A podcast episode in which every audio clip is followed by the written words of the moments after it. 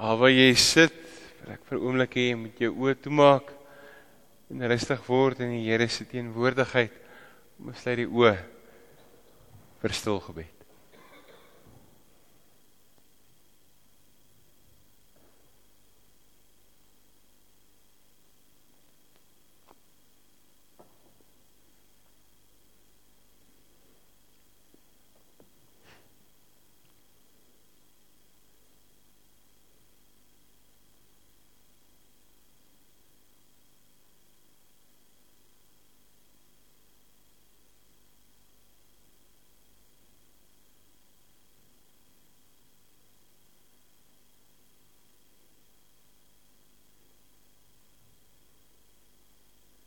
Here saam met die psalms. Wil ons kom bid vanaand ek soek U o God my God. Ek dors na U ek smag na U soos in 'n dor en 'n droë land 'n land sonder water. Ek wil by U in die heiligdom wees om daardie mag en die grootheid te ondervind. U troue liefde is meer werd as die lewe. Daarom sal ek U prys Ek sê in my lewe lank loof my hande op hê vir my naam te prys soos elke keer wanneer ek die goeie gawes geniet. Sal ek U altyd roem met my jubelende mond. As ek kan nie dink op my bed oor die pyns in die nag dan weet ek U is vir my hulp en dan juig ek oor die beskerming onder die vleuels. Ek bly altyd naby U. U hand ondersteun my. Here hier waar ons saam is, wil ons saam met hierdie psalm vanaand kom bely. Ons wil naby aan U wees, ons wil naby aan U bly. Here, want by U is daar troos, by U is daar bemoediging, by U naby U, Here. Ondersteun U ons. Ons kom bid Here ook so wil ons saam gaan lees. Breek die woord vir ons oop. Ons kom vra dit Here in U naam. Amen. Ons ons gaan saam lees vanaand in Handelinge gaan so 'n bietjie verder Handelinge na Handelinge 7 toe. Ons gaan daar lees vanaf vers 54. As ons so 'n bietjie vir mekaar sien wat het gebeur die afgelope tyd in Handelinge, sien ons mekaar in Handelinge 1 die belofte van die Gees, die, die opvaarding van die Here, die hemelvaart, die vervulling van die belofte, die Gees het gekom in uh, Handelinge hoofstuk 2 Paulus, ag Petrus het 'n groot toespraak gelewer en daar het 'n klomp mense tot geloof gekom in die Here.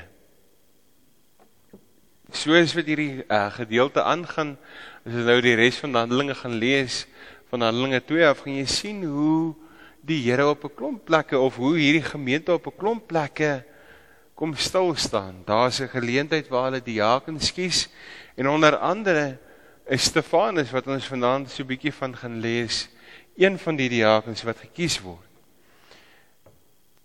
Maar Stefanus kom aan die verkeerde kant en hy word gebring voor die Joodse raad en dis dan waar ons dan nou vanaand begin. Toe die lede van die Joodse raad dit hoor, het hulle van woede op hulle tande geknars, maar Stefanus, vol van die Heilige Gees, het opgekyk na die hemel en die heerlikheid van God gesien en Jesus wat in die regterkant van God staan. Kyk, het hy gesê, ek sien die hemel geopen en die seun van die mens wat aan die regterkant van God staan. Toe het hulle hard geskreeu en hulle ore toegedruk, soos een man het hulle op hom afgestorm, hom uit die stad uitgesleep en gestenig. En die getuies het hulle klere neergesit by 'n jong man met die naam Saulus. Terwyl hulle terwyl hulle vir Stefanus stenig het, hy geroep: "Here Jesus, ontvang my gees." Toe het hy op sy knieë neerge, neergesak en hard uitgeroep: uitgeroep: "Here, moet hulle tog nie hierdie sonde toereken nie." Met hierdie woorde het hy gesterwe. Ook Saulus het hierdie moord goedgekeur. Daardie dag het daar 'n ewige vervolging van die gemeente in Jerusalem begin. Al die gelowiges behalwe die apostels is uitmekaar gejaag en verstrooi oor die gebiede van Judea en Samaria. Godvreesende mense het vir Stefanus begrawe en daar is baie oor hom gerou. Saulus het die kerk probeer uitroei. Uit van huis tot huis gegaan, mans en vrouens laat uitsleep en hulle in die tronk laat sit. Die gelowiges wat uitmekaar gejaag is, het sover as wat hulle gegaan het die evangelie verkondig. So het dit gebeur dat Filippus by 'n stad in Samaria gekom het en Christus daar verkondig het. Toe die mense hoor wat Filippus verkondig en die wonder sien wat hy doen, het hulle aandagtig na sy prediking geluister. Bose geeste het met groot geskreeu uit baie mense uitgegaan en baie wat verlam en krepeel was, is gesond gemaak. Daar was groot blydskap in daardie stad. Tot sover ons skriflesing. Ek wil begin deur hierdie verhaal te vertel van Hudson Taylor. Ek weet of jy al van hom gehoor het nie, maar Hudson Taylor het, het hier in die 1800s geleef. 'n Groot sendeling. Maar sy lewe het vreemd begin. Hy het groot geword in 'n Christelike huis, maar hy het op 'n manier weggeloop van hierdie Christelike omgewing af. En op die ouderdom van 16 kom hy tot bekering. En hy besluit maar hy word geroep China toe. Dit is die passie, dit is die plek waar die Here hom heen stuur. Hy moet China toe gaan om daar die woord te gaan verkondig. En vol moed, vol geesdrif besluit hy maar dit is wat hy moet aanpak. Maar nêrens is daar 'n sendingsorganisasie wat bereid is om vir hom te stuur. Eintlik was dit nog 'n redelike groot teleurstelling skryf hy op in een van sy boeke. En bewus van sy roeping het hy voortgegaan en hy het besluit hy gaan 'n dokter word, 'n mediese dokter. En so gebeur dit dat hy weer sy roeping onthou en hy wil hy gaan China toe en daar stig hy die die die China Inland Mission en vir 51 jaar bedien hy by hierdie sendingstasie in China.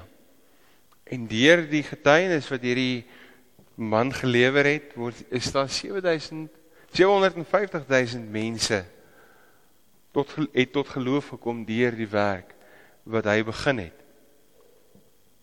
As ons na sy lewe kyk, sien ons 'n negatiewe situasie wat op 'n manier in 'n positiewe verander is. Ons kan 'n klomp goed hieroor sê, maar die feit is dat God se tyd en God se weë anders is as my en joune. Die feit dat God self 'n persoon se teleurstellings kan gebruik om die evangelie te vestig is eintlik ongelooflik groot. So kom ons ook by die evangelies en dit wat ons lees in Handelinge. En laat ons vir mekaar sê een van die eerste versies wat ons leer in die Bybel is seker Matteus 28 waar die Here sy disippels sê maar gaan na al die nasies toe en maak die mense my disippels. Nou, as ons dit vir mekaar sê, moet ons ook na die ander evangelies kyk en dan lees ons in Markus 16 vers 15 wat sê gaan uit die hele wêreld in en verkondig die evangelie aan die hele mensdom. Lukas kom dieselfde Julle is getuies van hierdie dinge. Julle sal met krag van die bo toegerus word. In Johannes sien ons weer en julle moet getuig want julle is van die begin af by my. En ons hoor weer in Handelinge as ons nou terugdink aan aan Donderdag aand aan Handelinge 1, hoor ons hierdie woorde weer 'n keer. Maar julle sal krag ontvang wanneer die Heilige Gees oor julle kom En dan is dit belangrik om net so 'n paar woorde te onthou in hierdie gedeelte soos wat ons in hierdie preek verder gaan. En julle sal my getuies wees in Judea en in Samaria en tot aan die uithoeke van hierdie wêreld. En duidelik word hierdie disippels geroep en gestuur om oor grense die evangelie te gaan verkondig. Hulle word geroep en gesê maar julle is die ouens wat moet gaan om vir hierdie wêreld die goeie nuus te gaan vertel. En Jesus is baie duidelik in sy opdrag. As ons nou weer dink aan die aan die vers Handelinge 1, dan hoor ons heeltyd hierdie woorde in Jerusalem en sowel as as ook en elke keer goed wat gelyktydig gebeur. Dis nie 'n oorloop van een na ander na na ander nie. Dis alles wat gelyktydig gebeur. Julle sal my getuies wees in hierdie wêreld reg oor hierdie wêreld. En as ons baie mooi luister na wat Jesus gesê het, het hy nie gesê hulle werk sal net in Jerusalem wees nie, maar hy sal uitbrei, uitsprei reg oor hierdie wêreld. Nou ons het gisterand gepraat van die paddatjie wat in die pot sit en wag vir die water om warm te word. En as ons luister, as ons nou na die evangelie na Handelinge kyk, dan is baie keer maklik vir mekaar sê maar hierdie gemeente het begin gemaklik raak in die omstandighede wat hulle is. Dit was lekker. Hulle het heel waarskynlik 'n warmte beleef tussen gelowiges. Ek weet dis 3000 mense, 5000 mense later wat tot geloof gekom het en die stad op 'n manier omgedraai het. En ewe skielik is daar hierdie drastiese verandering. Stefanus word gevange of word verhoor. Hy word gestenig en die vervolging van die kerk begin. Die gelowiges word uitmekaar uitgejaag reg oor die bekende wêreld heen en onder andere, as ons nou reg kan onthou Handeling 1 vers 8, Samaria, Judea, Samaria tot aan die uithoeke word hulle selfs Samaria toe gejaag. Dis die plek waar hulle 'n tuiste vind waar hulle kan sê maar hoorie ons is op 'n manier is ons in Samaria veilig. En die ironie agter dit is dat Samaria die plek is waar die Jode nie wou wees nie. Samaria is tussen as jy nou die kaart gaan kyk, tussen Juda en in Israel is daar so 'n klein lyntjie wat Samaria was en dit was die plek gewees waar in ballingskap die die armes agtergebly het. Hulle het ondertrou met heidene en op 'n manier is hulle toe gesê maar julle is nie meer deel van ons volk nie. Julle is eenkant toe, julle is onrein, julle is nie meer welkom nie. En in hierdie stad kom die evangelie tot stilstand. Kom die evangelie en sê maar die evangelie is selfs die goeie nuus selfs vir julle. Ons sien hoe hierdie vervolging reg oor die ou antieke wêreld versprei maar saam met dit hoor ons ook die getuienis van die gelowiges waar hulle sê dat hulle met blydskap ou hulle word vervolg As ons nou dink aan vervolging, hulle vlug vir hulle lewe. Hulle vlug vir hulle lewe en nog steeds met blydskap, daar waar hulle kom, daar waar hulle stop, verkondig hulle hierdie goeie nuus. Dit wat hulle van die Here gehoor het, dit wat die apostels vir hulle geleer het, wat die disippels vir hulle geleer het. En ons sien hierdie negatiewe wat omgeswaai word na positiewe situasie. Net so sien ons in Handelinge as hierdie gelowiges uitmekaar gejaag word dat hulle hierdie evangelie verkondig en dan kom Petrus so 'n stukkie verder in een van sy briewe wat hy sê maar wat is die kern van dit wat julle wat julle verkondig? Wat is dit wat in julle harte leef as julle dink oor Christus? As julle dink oor dit wat julle sê, maar ons is Christene. Wat beteken dit vir jou? Petrus kom en hy sê as goeie bedienaars van die veelvuldige genade van God moet elkeen na mate hy 'n gawe ontvang die ander dien. En hierdie woorde steek by my vas. Bedienaars van die veelvuldige genade van God. God wat in sy grootheid vir ons toefou in 'n klomp goed wat gebeur. Die verlossing deur Christus, die koms van die Here na hierdie wêreld toe. Die kruisiging, die opstanding, die hemelvaart, die gees wat uitgestort is, alles om vir my en vir jou te oortuig te kom sê, maar die Here het jou lief. Die Here is met jou op pad. Die Here het jou nodig en stuur jou in hierdie wêreld in. Maak nie saak wie jy is nie. En so sien ons so vers soos wat die gelowiges gevlug het, hoe hulle getuig. Op 'n manier het God iets slegs soos vervolging gevat en dit omskep in hierdie ongelooflike positiewe wat gebeur het. Die kerk van die ou antieke wêreld het versprei. God se grootheid is verkondig, God se genade is verkondig. En die Here het 'n slegte situasie. Ek wil dit weer sê, slegte situasie verander in iets moois. Natuurlik was dit nie die werk van 'n enkele persoon nie.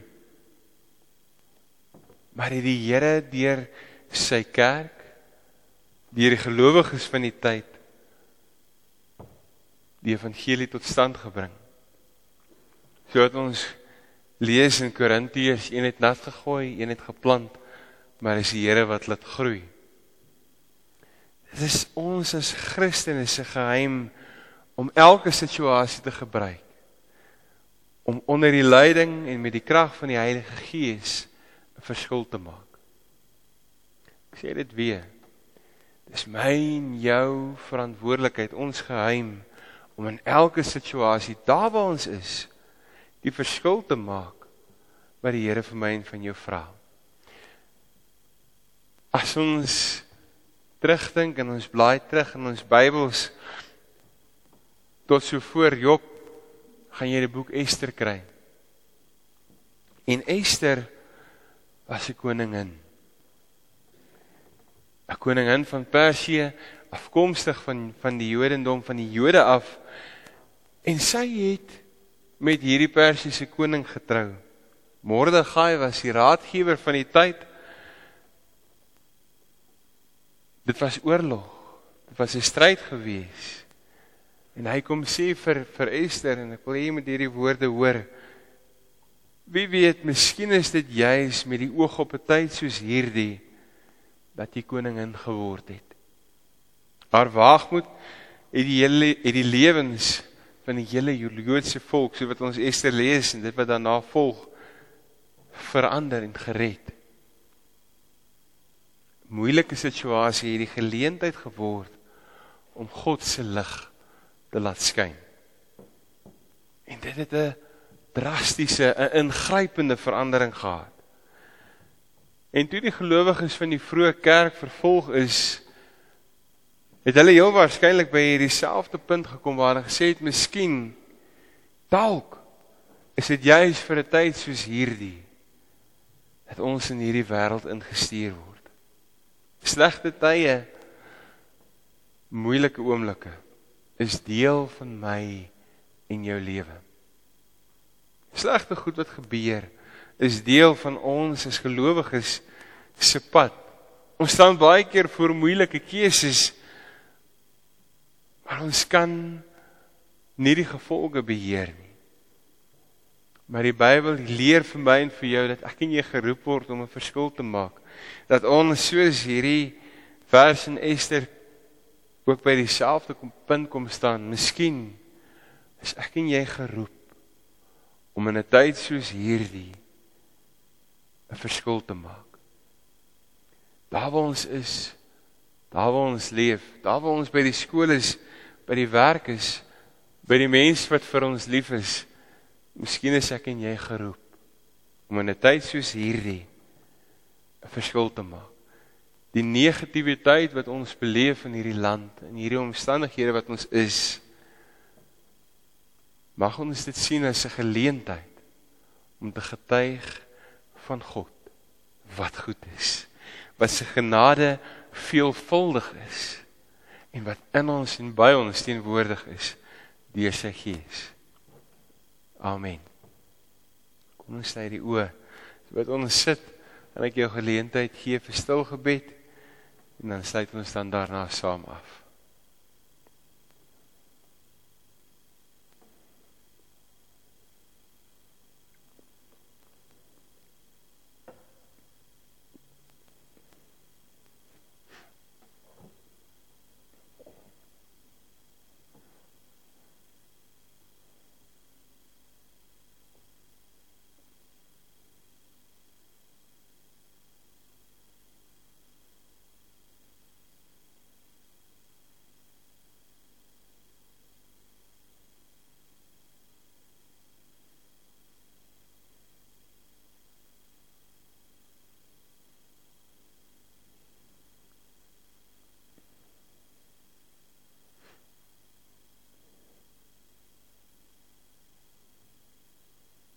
Here, ons kom dankie Here vir hierdie aand. Ons kom dankie Here dat ons kan kom stil word by U ons Here en ons God. Dat ons Here kan kom bid Here vir ons eie omstandighede, daar waar ons baie keer steun nodig het, troos nodig het, daar waar ons Here nodig het vir U ingryping, vir 'n uitweg. Here vir in 'n situasie wat dalk hopeloos lyk, Here kom bid ons vir U en ons kom vra U Here vir U leiding. Ons kom dankie ook so Here dat U dit wat in ons lewe gebeur ook ten goeie laat meewerk soos wat u woord sê dat u by ons is in elke situasie. Ons kom vra u ook Here daarvoor dat u ook vir ons sal stuur in hierdie wêreld in met 'n boodskap van hoop van veelvuldige genade van u wat goed is van u wat by ons is van u wat die God is Here wat ons in hierdie wêreld nodig het Ons kom bid en ons kom vra jy daarvoor Here in U naam. Amen.